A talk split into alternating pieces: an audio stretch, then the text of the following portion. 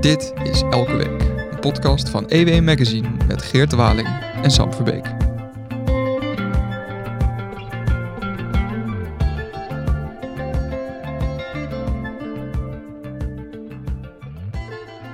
Gisteren, we nemen dit op op eh, 29 januari, dus gisteren op 28 januari was de eh, Holocaustherdenking waar eh, onder andere burgemeester Femke Halsema sprak en ook eh, premier Mark Rutte sprak. En hij zei daar het volgende. Weer het schurende gevoel van over je schouder moeten kijken. Weer openlijk antisemitisme. Alsof nooit meer Auschwitz een holle frase is geworden. Alles schreeuwt in ons: dit mag niet. Dit kan niet. Dit mogen we niet toestaan. En we zullen het niet toestaan. Ja, ik zit hier met eh, huishistoricus Geert de Waling, Sam, ja, goedemiddag. ook chef herdenken. Ja.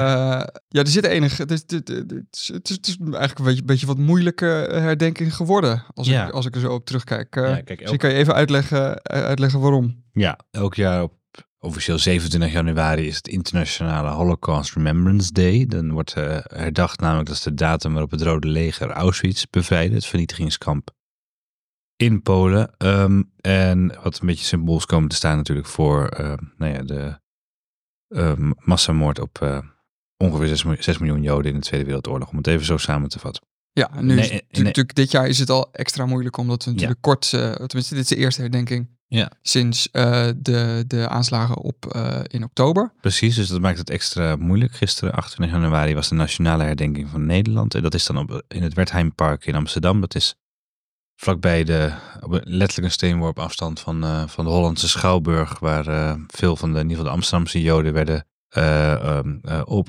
gevangen gezet. Ja, verzameld, voor- voordat ze op transport via de tram en dan uiteindelijk de trein eh, naar de, de doorvoerkampen werden gevoerd. Om vervolgens naar de vernietigingskampen te gaan. Ehm, het is ook midden van de, van de, de Jodenbuurt, of de, het ghetto zoals het in de oorlog dan was, maar van oorsprong een plek waar ook de oude Portugese synagoge staat. Ja. Eh, al uit de 17e eeuw, waar eh, veel eh, Amsterdamse Joden vandaan komen, of waar, waar zij gewoond hebben in de loop der eeuwen. Het is ook een mooi monument in het Wertheimpark, door Jan Wolkers ontworpen in 1977. Tussendoor was vernietigd geweest, maar hersteld. Is dat spiegelmonument en het heet eigenlijk nooit meer Auschwitz. Daar is de herdenking gehouden gisteren met de burgemeester van Amsterdam, Femke Halsema, en Mark Rutte erbij, de premier. En ehm, ze hebben kransen gelegd. Er was een stille tocht aan vooraf gegaan, die daar eindigde. Zijn kransen gelegd, toespraken gehouden. En Rutte noemde ook, je hebt het citaat net la- laten horen uit zijn speech, maar elders in die eh, toespraak zei hij, we kunnen bij deze holocaustherdenking niet om 7 oktober heen, de dag waarop de Joodse ge- wereldgemeenschap voor de zoveelste keer in de geschiedenis werd geconfronteerd met een doelbewuste en geregisseerde moordpartij. Nou, dat gaat nog even verder over de terreur van 7 oktober. Hij staat er uitgebreid bij stil. Femke Halsema deed dat ook. Waardoor het inderdaad een beladen bijeenkomst was. Ik hoorde ook dat het eh, extra zwaar beveiligd is geweest. Normaal gesproken is het, zijn dit soort bijeenkomsten al goed beveiligd. Nu nog extra vanwege de spanningen. Eh, dat heeft te maken met 7 oktober en vooral natuurlijk ook met de oorlog in Gaza. Waar de Israëliërs eh, veel kritiek op krijgen door activisten ehm, die het opnemen voor de slachtoffers daar in, in Gaza. Nu eh, wisten we in principe al een week van tevoren dat, eh, dat deze herdenking een extra lading zou krijgen door de aanslagen. Maar ja, op dezelfde dag, eh, zondagochtend, bracht de Telegraaf naar buiten dat er een, een, een lezingenreeks op de Hogeschool Utrecht is. Nou, ik moet niet zeggen dat het gecanceld is, maar het is in ieder geval uitgesteld. Hij is gecanceld en daarna is het cancelen weer gecanceld. Ja, Dus- en eh, de, de, de, collegereeks ging over, over de holocaust en over antisemitisme. Ja. En eh, de Hogeschool Utrecht heeft, eh, heeft hem in ieder geval voor nu gestopt. Ehm, omdat ze het idee hadden dat ze de veiligheid van de sprekers niet konden waarborgen. Ho. Ja, nee, kijk, ik luister heel, na- heel nauw. Ehm, al op vrijdag, dus vlak voor het herdenkingsweekend, zal ik maar zeggen, aan de vooravond van, die, van de Holocaustherdenking, ehm, heeft de hogeschool besloten om, eh, om die lezingenreeks die samen met het CIDI, het Centrum Informatie en Documentatie Israël, zou worden georganiseerd in februari en maart. Een stuk of acht lezingen van verschillende gastsprekers over de geschiedenis van de Holocaust en ook over antisemitisme. Ehm, om die eh, lezingenreeks eh, eerst echt te schrappen. Want ze vonden het Er zijn verschillende verklaringen gegeven, maar ze hebben onder andere gepraat met een paar actiegroepen. Zoals New Neighbors Utrecht. Dat is een van de groepen die nogal vocaal is op dit terrein. En die hebben gezegd, eh, wij willen dat niet dat dat doorgaat. Want dat is dat Sidi, dat eh, praat het beleid van Israël goed eh, in Gaza. De massamoord op Gazanen in de, deze oorlog die nu gaande is sinds 7 oktober, et cetera, et cetera. De onderling noemt, Ja. het CIDI noemt dan weer Nieuw Utrecht antisemitisch tuig. Antisemitisch tuig, ja, nee, dat gaat er heel vrij aan toe. Overigens heeft New Neighbors, dan zegt Sidi, ja, New, dit soort activisten zoals New Neighbors, die gaan dan, ehm, die gebruiken eigenlijk dan de, de gebeurtenissen van 7 oktober om dat te koppelen aan de holocaust.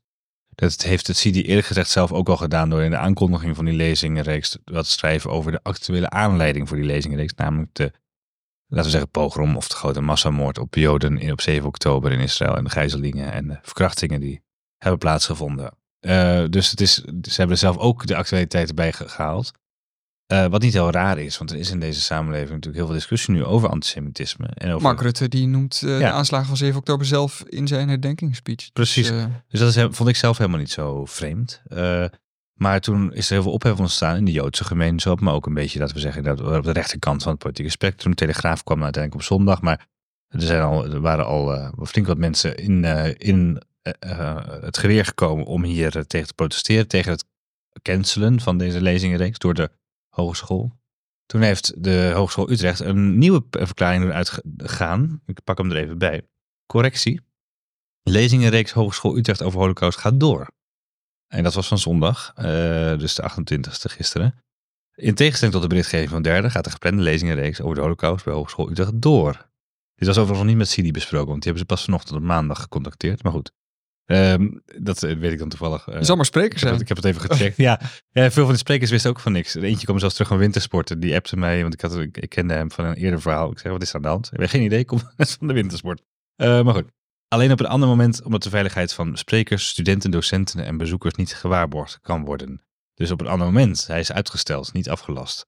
Eh, vanwege de veiligheid. Dat argument van de veiligheid kwam er pas op zondag bij. Dat is voor het eerst genoemd. En er wordt nu ook schamper op gereageerd van, huh, heeft de hogeschool, is er nou tussen die aankondiging van het cancelen ehm, en dit bericht op zondag is er dus in twee dagen tijd is er opeens een veiligheidsrisico ontstaan voor een lezingenreeks die gecanceld was. Dat is ook heel vreemd. Was de, eh, eh, was de burgemeester of de, noem je dat, de veiligheidsdriehoek? Waren die op de hoogte? Dat eh, zegt het verhaal niet. Het persbericht zegt dat niet. Ehm, eh, wel zegt het persbericht heel sterk uitgesproken. Hogeschool Utrecht maakt haar eigen afwegingen als het gaat om de inhoud, vorm en uitvoering van haar onderwijs. En laat zich niet leiden door belangengroeperingen of activisten.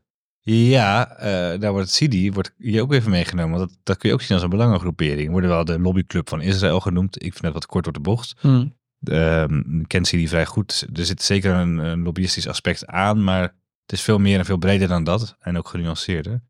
Maar er worden ze even op één, eh, over, over, over één kam geschoren met de activisten die zich niet mogen bemoeien met de uitvoering van het onderwijs.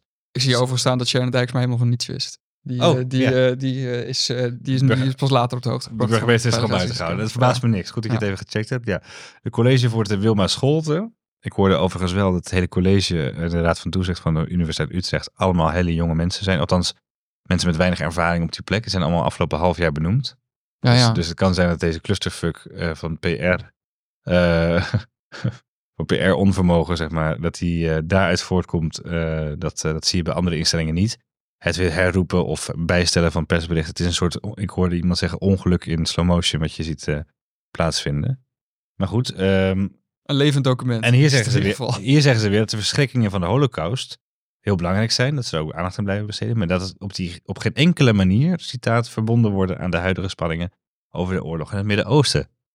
Huh? Maar dat is niet helemaal waar, want in de uitnodiging voor de collegereeks stond dat het juist de actualiteit van het nu opkomend antisemitisme na 7 oktober, et cetera, ook een aanleiding vormt voor die lezingenreeks. Dus dat hebben ze Het lijkt me ook heel moeilijk om een lezing te geven over de holocaust.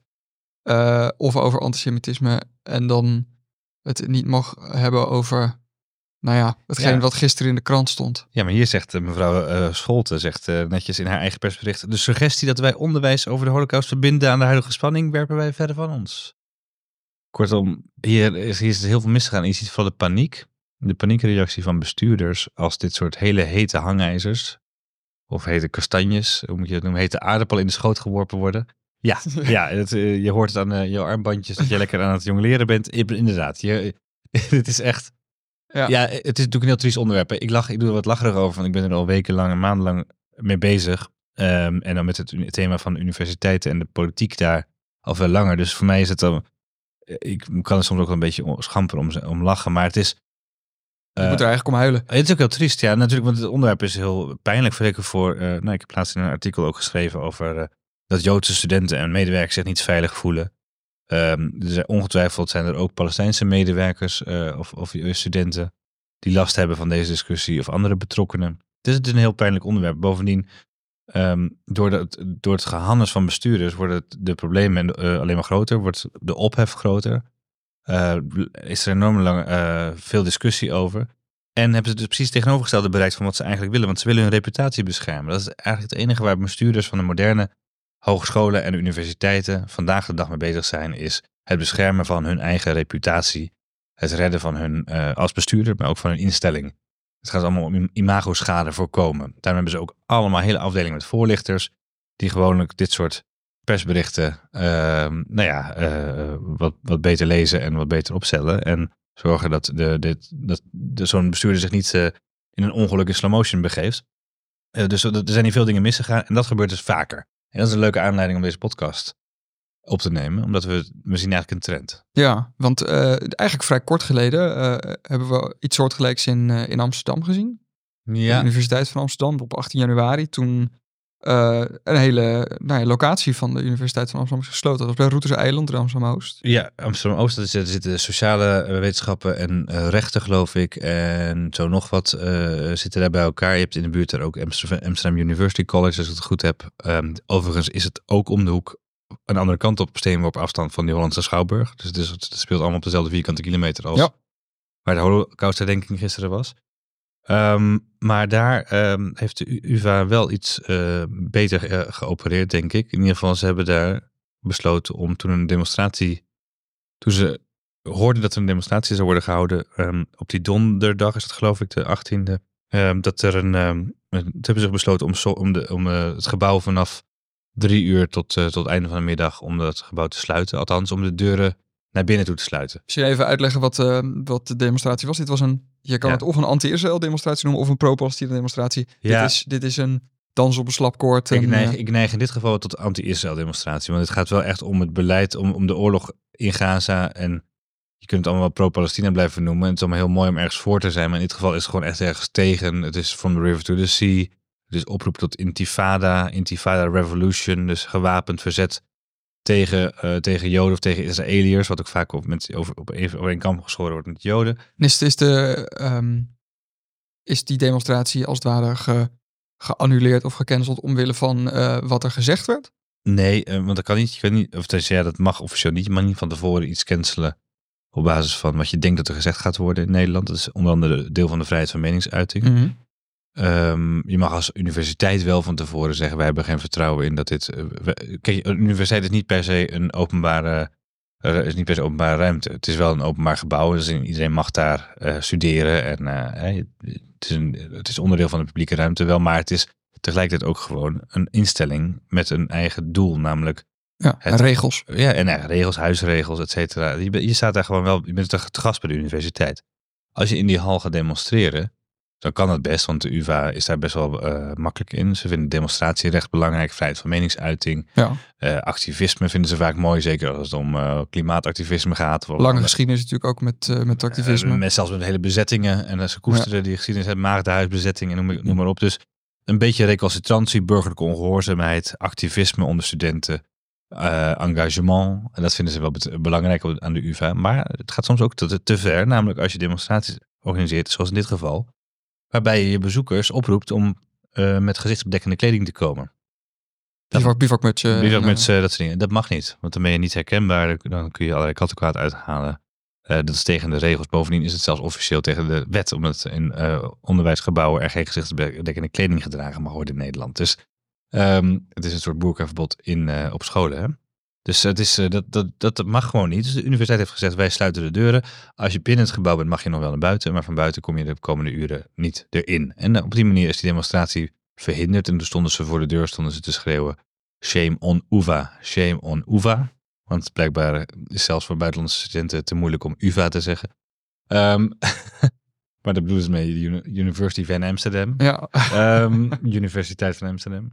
Nee, dus dat... dat eh, eh, En ja, als we even kunnen kijken. wordt ook een beetje melig hè, van de vele demonstraties. En de, de- Ja, het is een bonte verzameling. Maar, het is, eh, maar verderop in Amsterdam, eh, op de VU, zaten ze ook gewoon binnen op- in de hal. En er werd er wel een demonstratie gehouden die niet eh, werd verhinderd. En werd er gewoon eh, opgeroepen tot intifada en eh, from the river to the sea, eh, Palestine will be free en zo. Dus dat, eh, het is net weer, elke instelling gaat er anders mee om. Eh, binnen de UvA hebben ze ook vaak genoeg de demonstraties wel laten doorgaan. Maar in dit geval hebben ze gezegd, hier trekken wij een grens, dit is niet toegestaan. En eh daar hebben ze aan vastgehouden op zich. Weer een daad van bestuurlijke doortastendheid. En hoe, eh, ehm, werd er, hoe waren de reacties daar op, eh, op, de, op de bestuurder? We hebben, gaf, in Leiden was, hebben ze ook Esther Bijl, heb jij gesproken? Ja, nou ja, die, ik heb met haar wo- woordvoering gesproken laatst. Maar, ehm want ze is zelf nog wel bang voor de media. Ik snapte nu waarom. dat komt zo aan bod. Oh ja? bij die uitzending, daar komen we zo op. Maar die, ehm, nou, de, eh, bij de UvA is er volgens mij eh, st- eh, is er door die activisten heel boos gereageerd. Maar door mensen van buiten de universiteit werd gezegd, oh wat goed dat er eindelijk grenzen gesteld worden. En eh, Groningen heeft dat ook al een tijdje gedaan. Vorig jaar was er een demonstratie, bezetting zelfs van een gebouw om... eh, het ging ergens anders over, over een, over een docent die werd we- weggestuurd. Het was een arbeidsconflict. En die docent die, die claimde dat het was omdat ze de vrijheid van meningsuiting... Omdat, eh ze onwelgevallige meningen had over het feit dat er eh, te weinig vrouwen werden aangenomen op de universiteit of iets dergelijks. Nou, Oké. Daar heeft de universiteit van gezegd in Groningen na twee keer goed praten. eh, toen is die bezetting nog niet beëindigd. En toen hebben ze gezegd van nou, dan moet de politie maar een einde aan maken. Dat heeft ze ook weer komen te staan op eh, antifascistische tegenacties. Zoals een bekladden van de UB, de Universiteitsbibliotheek in Groningen. Dus je ziet dat het eh, best wel wat gevolgen heeft wat zo'n bestuur doet. Plus, wat ik al zei, een bestuur dat er bezig met imago, met reputatie. Want een heel belangrijke inkomstenbron is natuurlijk nieuwe studenten. En als zij slecht in de pers zijn, dan, eh, dan zien ze dat ook in de, het aantal studenten dat zich inschrijft voor het nieuwe jaar. Of daar zijn ze in ieder geval bang voor. Dus het is een heel commerciële instelling geworden, de universiteit en de hogeschool Mhm. ook. En die denken gewoon ook in termen van, ja, van omzet. Eh, eh, en eh, slechte reputatie is slecht nieuws. Ehm, en bad publicity is in dit geval voor, voor een onderwijsinstellingen gewoon echt een nachtmerrie. Ehm, en geen zegen. Dus dat is, want mensen sturen niet graag hun kinderen naar een school die, in, die omstreden is, blijkbaar.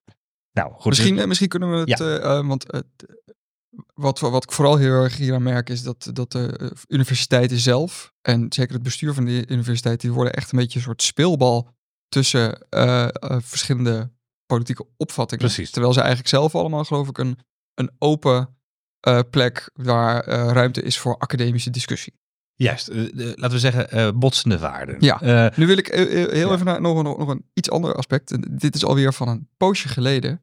Ehm, want er zit ook een, een internationaal, of misschien moet- is het is, zou- zou ze in de academie zouden ze het, het transnationale aspect hier, hier, hiervan van gebruiken. grensoverschrijdend. Want, ja. want eh, in, eh, eh, in de Verenigde Staten, waar ook altijd een, een, een, een, een bruisend campusleven heerst bij, bij de grote universiteiten, Zeker. waren laatst de, de bestuurders van de Ivy League universiteiten.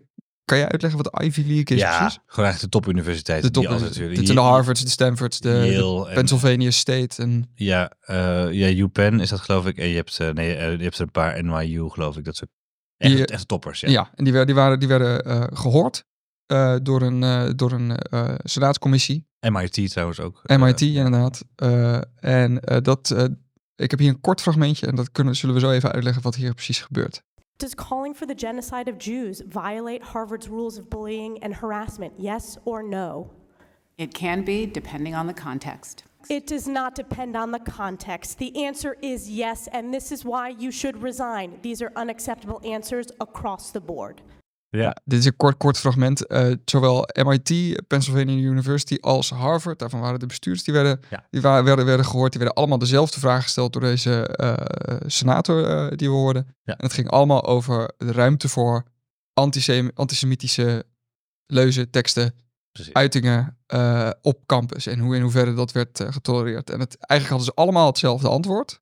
Namelijk, dat is geheel afhankelijk van de context. Ja, en hier moet ik wel iets bij zeggen. Ik heb ook wel meegedaan eh, in het verhaal van en de discussie van wat een onzin dat deze bestuurders niet gewoon duidelijk kunnen zeggen van eh, ja, eh, genocide is bad. Hè?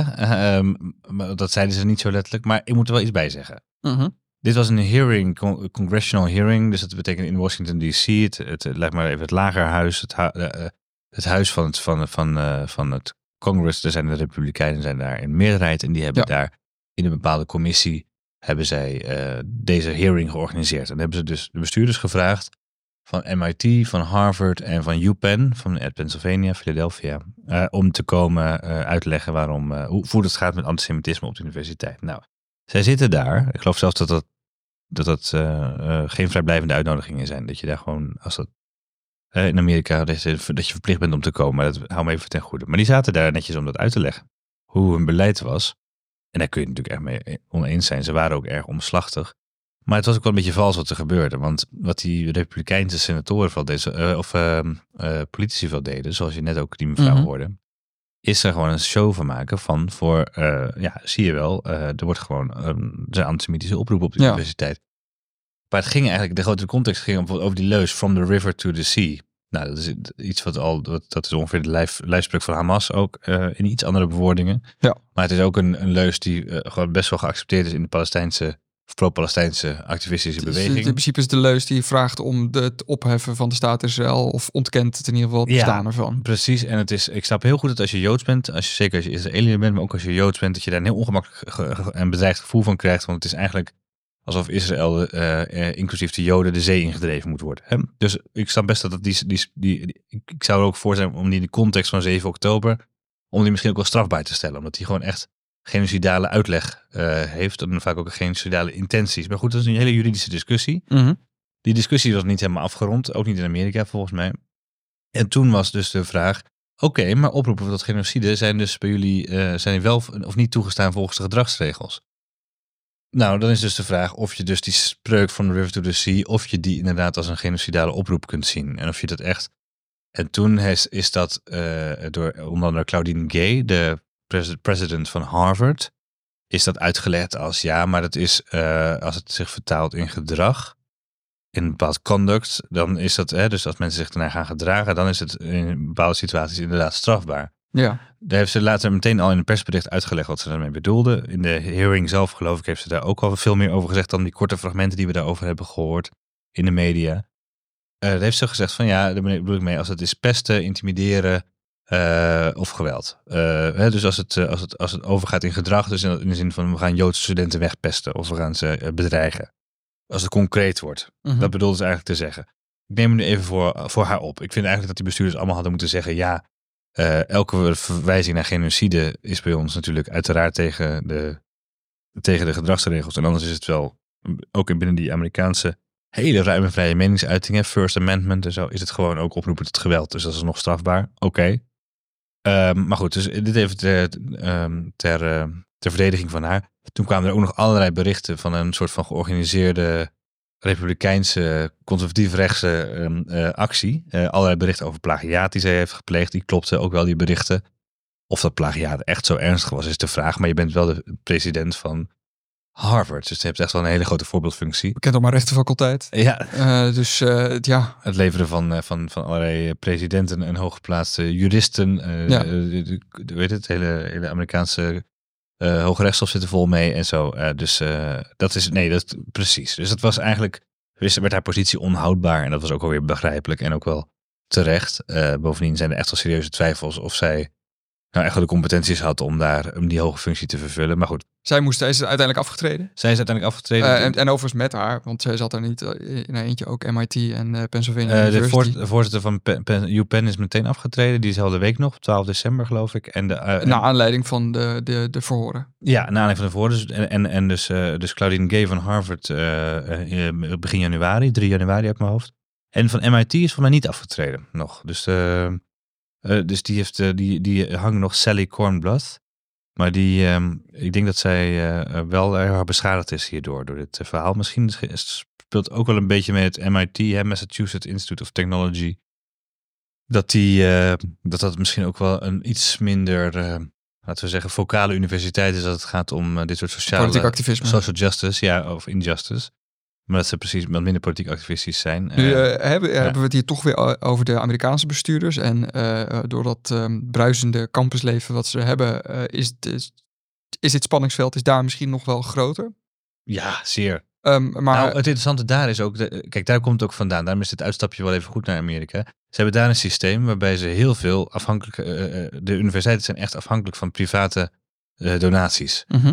En daar zitten heel veel hele rijke bedrijven bij, eh, en, en ondernemers bij. Vaak ook alumni, hè, dus alumni van de, van de universiteit. Die dan een grote carrière maken uit dankbaarheid en maatschappelijke betrokkenheid. Echt miljoenen en miljoenen, soms zelfs miljarden dollars geven aan onderzoek en onderwijs. Ze hebben ook nog te maken met studenten die daar niet in ons geval eh, een paar duizend euro collegegeld per jaar betalen, maar met ge- gerust een ton Ja. collegegeld per jaar betalen of meer. Ehm, dus die hebben ook nog wel wat te eisen. Want die betalen niet voor niks zo ongelooflijk veel geld. En eh, hebben enorme schulden als ze klaar zijn met studeren. Omdat ze hopen naar de beste universiteit te kunnen gaan. Ja. Waar ze veilig, tussen aanhalingstekens, sociaal veilig ook kunnen studeren. Daar zitten ook heel veel Joodse studenten tussen. Er zitten ook heel veel Joodse ondernemers tussen.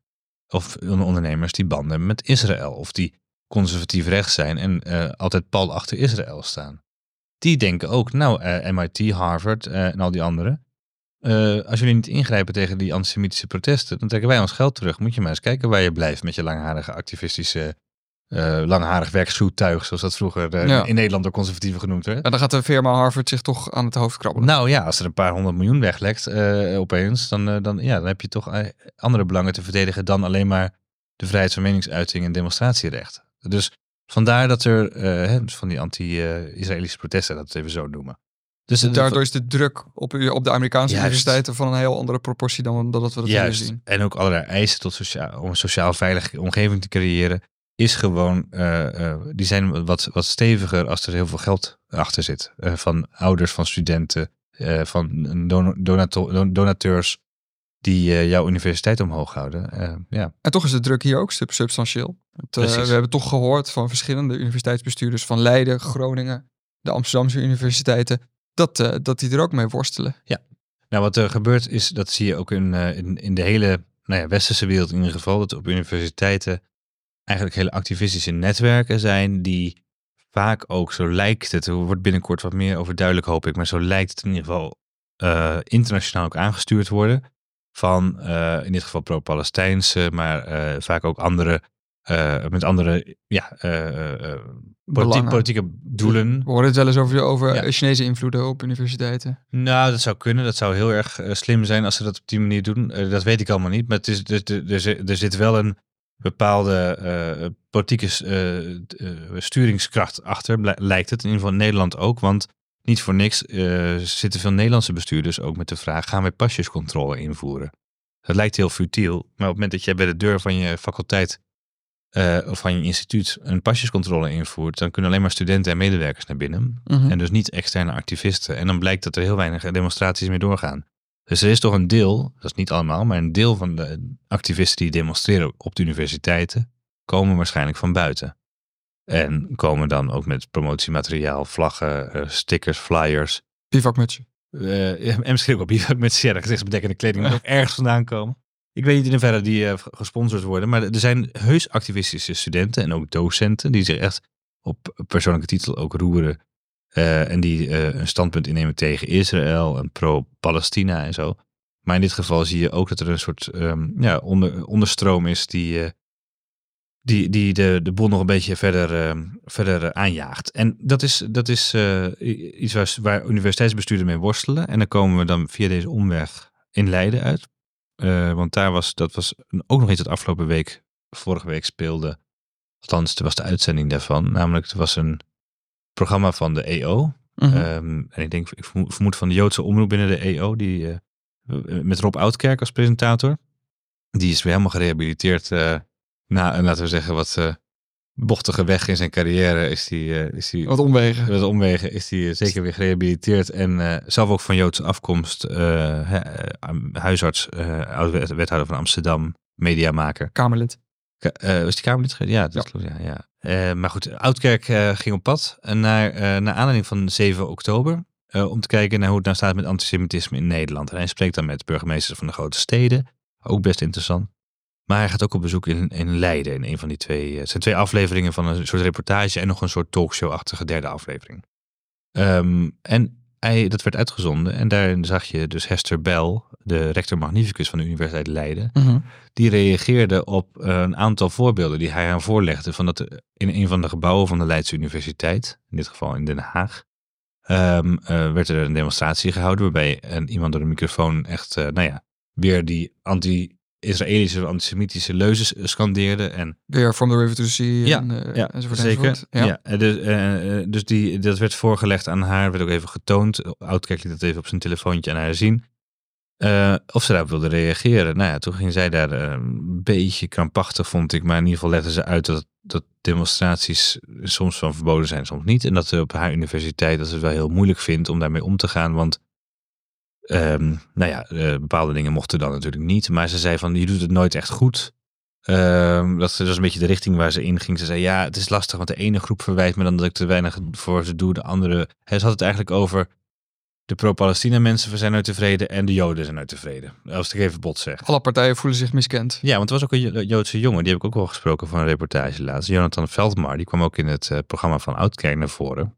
En die, zei- die eh, zei gewoon inderdaad van, nou ja, dit zijn de flyers die worden uitgedeeld. En liet hij zien van gewoon pro-Hamas flyer met alleen maar lof over 7 oktober. Dus hè, de Ja, waarin, moorden, eh, verkrachtingen, eh, gijzelingen. Inderdaad, de, de, de, de daden op 7 oktober werden gezien als verzets, eh, Ja. verzetsdaden. Ja, ik heb een artikel eh, op de site van Elsevier, staat ook een screenshot ervan, eh, als mensen nieuwsgierig zijn naar die, die propaganda. Maar die werd gewoon op de Universiteit Leiden uitgedeeld. Die, stu- die flyer.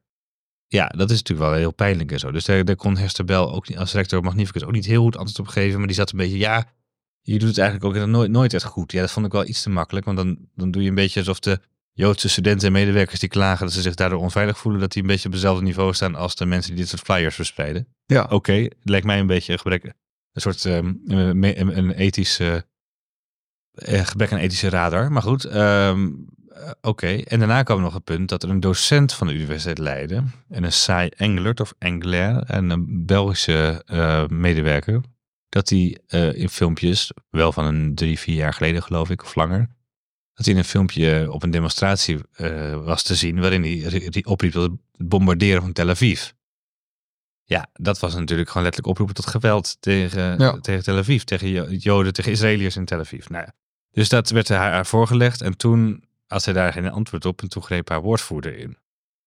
Die, zat, die, die, die, die was ook nog aanwezig. Die zat achter de, sch- achter de schermen. En eh, eh, overigens een, een, een jongen die, of een man die in zijn leven bij, ik zag ook bij het Nieuwsuur bij NOS heeft gewerkt en andere media.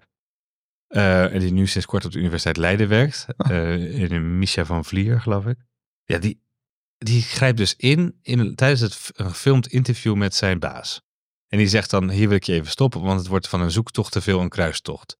Dus dan gaat de woordvoerder, voorlichter, gaat dus opeens eh, een lopend interview recenseren.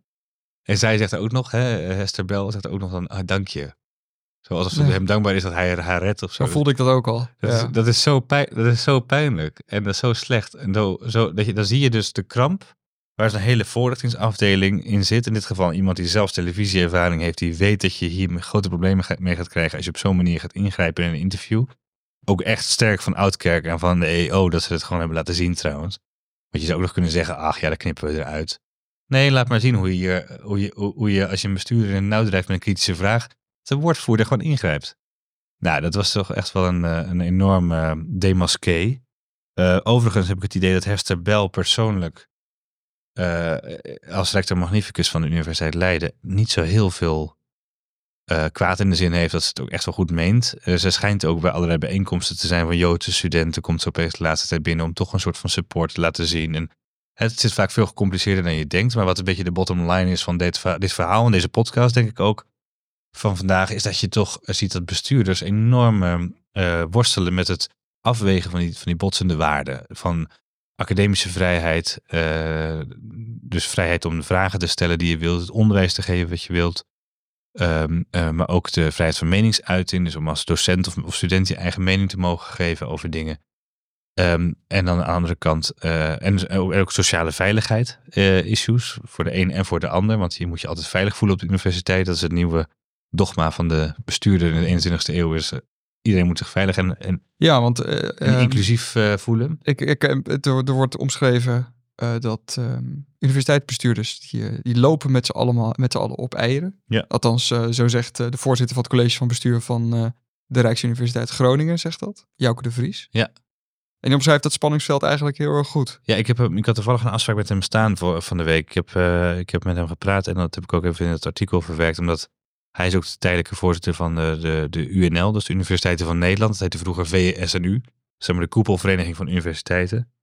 Ja, en hij vertelde mij wel ehm, dat, hij, eh, dat hij zelf als, als, als voorzitter van het college van bestuur in Groningen daar erg mee worstelt. eh, hoe, die, ehm, eh, hoe die ook met zijn tijd mee kan gaan. Dat sommige dingen die hij vroeger normaal heeft gevonden. Hij is eh, het 63, dus hij loopt al tegen zijn pensioen bijna, zou je kunnen zeggen. Heeft al veel ervaring. Zegt van ja, je weet gewoon als bestuurder moet je meebuigen, anders ben je gewoon weg. Dus je moet ook een beetje met die radicale eisen meebuigen. Je moet met iedereen praten. En dit is ook waar de, waar de overeenkomst met Ja. de, de Amerikaanse evenknie eh, komt. Namelijk Nou. dat ze toch, toch ook eh, allemaal heel erg moeten nadenken over wat ze wel zeggen en hoe ze het zeggen. Ja, en hij zei het niet met zoveel woorden, dus ik moet hem even een beetje parafraseren. En, eh, maar hij zei van ja, dat die internationalisering, waar hij zelf een groot voorstander van is, Mhm. internationalisering van de universiteiten, dus meer Engels praten, meer buitenlandse onderzoekers eh, eh, aannemen, eh, meer congressen geven, me- meer dat internationale academische veld bespelen. En misschien ook meer de firma, nou, Groningen. Of, Ja, daar is, daar is hij groot voorstander van. Alleen, zei hij, ik heb misschien te weinig oog gehad voor de nadelige kant ervan. Namelijk dat de universitaire waarden, die in Nederland heel anders zijn dan in Amerika, dat die nu echt, dat die twee werelden met elkaar botsen op onze universiteiten. Dus in Amerika is er een... En dit gaat over sociale rechtvaardigheid op de campus. Social of eh, in ieder geval veiligheid. Ja, eh, bijvoorbeeld ook het, het discours, alleen al de woorden. Hè? Dus het decoloniseren van de universiteit, het decoloniseren van Israël. Israël is een apartheidstaat en een kolonisator in het eh, discours van, laten we zeggen, het radicaal linkse discours van wat op de Amerikaanse universiteiten erg populair is. Dat wordt dan heel erg in die social justice theorie ehm, eh, eh, wordt het gegoten. Critical race theory komt erbij voor de mensen die ingevoerd zijn. Die stappen wel een beetje, dat is zeg maar wat we in de volksmond woke noemen. Ja, wij hebben hier een podcast over gehad. Die zet ik wel even in de show notes. Precies, Leggen we het allemaal uit. Daar was ik al wel te lang van stof in die podcast, kan ik me nog herinneren. Dus dat...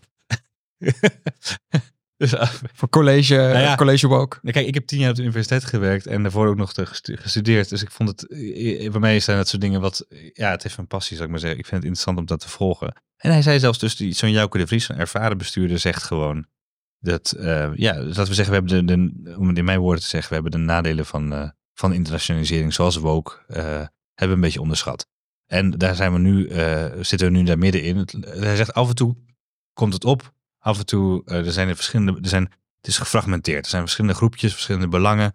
De ene is bezig met fossil fuel, de andere is bezig met racisme, weer een ander met, eh, met, met Transrechten. met zegt, of met het tegengaan van hiërarchie. Want je hebt ook een hele beweging die zegt, iedereen moet hoogleraar zijn die op de universiteit werkt. Hè? Dus, eh, en iedereen een toga en eh, wat, het moet allemaal gelijk getrokken worden. Ja, dat is ook een beweging. Ja, oké. dat iedereen komt- een toga. En, dat, en, en die, die clubjes ziet hij en die belangen ziet hij allemaal samenkomen in zo'n soort perfect storm na 7 oktober, waarin dit soort kleine, normaal gesproken kleine groepjes of activistische doelen, zoals pro-Palestina, dat die opeens heel groot worden. En echt heel ontwrichtend werken op de universiteit. En daar moet je als bestuurder goed in laveren, zegt hij, een beetje meebuigen, een beetje meepraten. Tegelijkertijd ook, zegt hij wel, heel ferm stellen, bij ons is het vrijheid van meningsuiting. Eh, het is tegelijkertijd ook een universiteit. We moeten open kunnen zijn. Je gaat niet de hal blokkeren met demonstratie. En we mogen ook eh, ja, een docent die bijvoorbeeld vindt dat Israël een apartheidstaat is, eh, die gedecoloniseerd moet worden.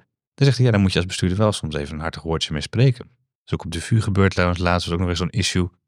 Dat een docent zei van nou, als je me niet tegen kan dat ik de Israël zo omschrijf als, als eh, apartheidstaat, dan moet je maar wegblijven uit mijn colleges. Nou, daar is toch een stevig woordje met die man gesproken. En uiteindelijk eh, hebben ze besloten, kijk, je moet in je college altijd ruimte laten voor mensen met andere opvattingen. En misschien moet je als docent niet je eigen opvatting alleen maar door willen drammen. En verder is er relatief veel ruimte om zelf je eigen interpretatie te geven aan de stof die je doseert. Ja. Eh dit is geen eindstand, eh, Sam. Maar nee, dit is natuurlijk een probleem wat, Maar- wat, wat zo- zal blijven terugveren eens Ja. in zoveel tijd. Ja, maar ik moet zeggen, nu met, met, met een paar bestuurders gepraat heb en vooral met zo'n Jouke de Vries, dan denk ik, oh ja, er wordt dus wel echt veel over nagedacht. Ook binnen die UNL, eh, die koepelorganisatie, zitten al die rectoren en collegevoorzitters met elkaar als soort groepstherapie, stel ik me voor. Allemaal toga's. Hoe, hoe, hoe doe jij dat eigenlijk met die, met die demonstraties en met die bezetting en zo. Maar ik denk dat het toch wel weer een, ehm, dat, dat, dat hier uiteindelijk ehm, de universiteiten toch wel weer een, een stapje in de goede richting aan het zetten zijn. Door wel dat debat open te houden, met tegelijkertijd die grenzen aan te geven van waar het activisme eh, overgaat in, uh, in onwenselijk of zelfs in, in laakbaar of strafbare gedrag. Nou, dan kunnen we enkel misschien adviseren aan de bestuurders van de Hogeschool Utrecht om, om bij het, het praatgroepje van van de universiteiten aan te schuiven. Ze zijn blijkbaar net begonnen. Dus, want daar is het dus, dus eventjes wel net misgegaan. Dan moet je eigenlijk gewoon zo'n hele ja. reeks lezingen moet je door laten gaan. En juist misschien veel meer uh, onderwijs en context aangeven. Nou zeker. Of en dan in ieder geval niet daarna terugkomen met opeens een persbericht dat het om de veiligheid ging. Want dat is natuurlijk onzin. Als je het al afgeschaft had en zeggen dan afgelast had. En dan zeggen, nou het ging eigenlijk om, gaat het nu om de veiligheid. Dat, zijn allemaal, dat is allemaal heel doorzichtige, mm-hmm. slechte woordvoeringstrucjes. Je moet het gewoon een, een, een, sterke lijn handhaven. Maar dat, kun je het beste doen als je ook je principes op een rijtje hebt. En dat is volgens mij wat ze kunnen leren van, uh, van zo'n Jouke de Vries. Nou, het, uh, het, lijkt de goede richting in te gaan. Althans, jij gezegd genoeg aanwezig te vinden dat het gaat. En dan gaan we gewoon kijken uh, ja, wat, wat de volgende episode hierin gaat worden. En aan de andere kant, mocht u nou luisteren en kinderen of kleinkinderen hebben die in de studerende leeftijd zijn, Tegenwoordig is er veel meer behoefte aan mensen met een praktische opleiding. Dus stuur ze lekker naar het MBO. Fantastisch. Oké. Dit was Elke Week. Een podcast van EW Magazine met Geert de Waling en mij, Sam Verbeek. Zoals elke week kan je de besproken artikelen ook vinden in onze show notes. Voor dit een leuke podcast, abonneer je dan en laat een leuke review achter. Heb je vragen of opmerkingen? Geert kan je op Twitter vinden onder Geert Waling. Ik ben op Twitter te vinden onder SamWV.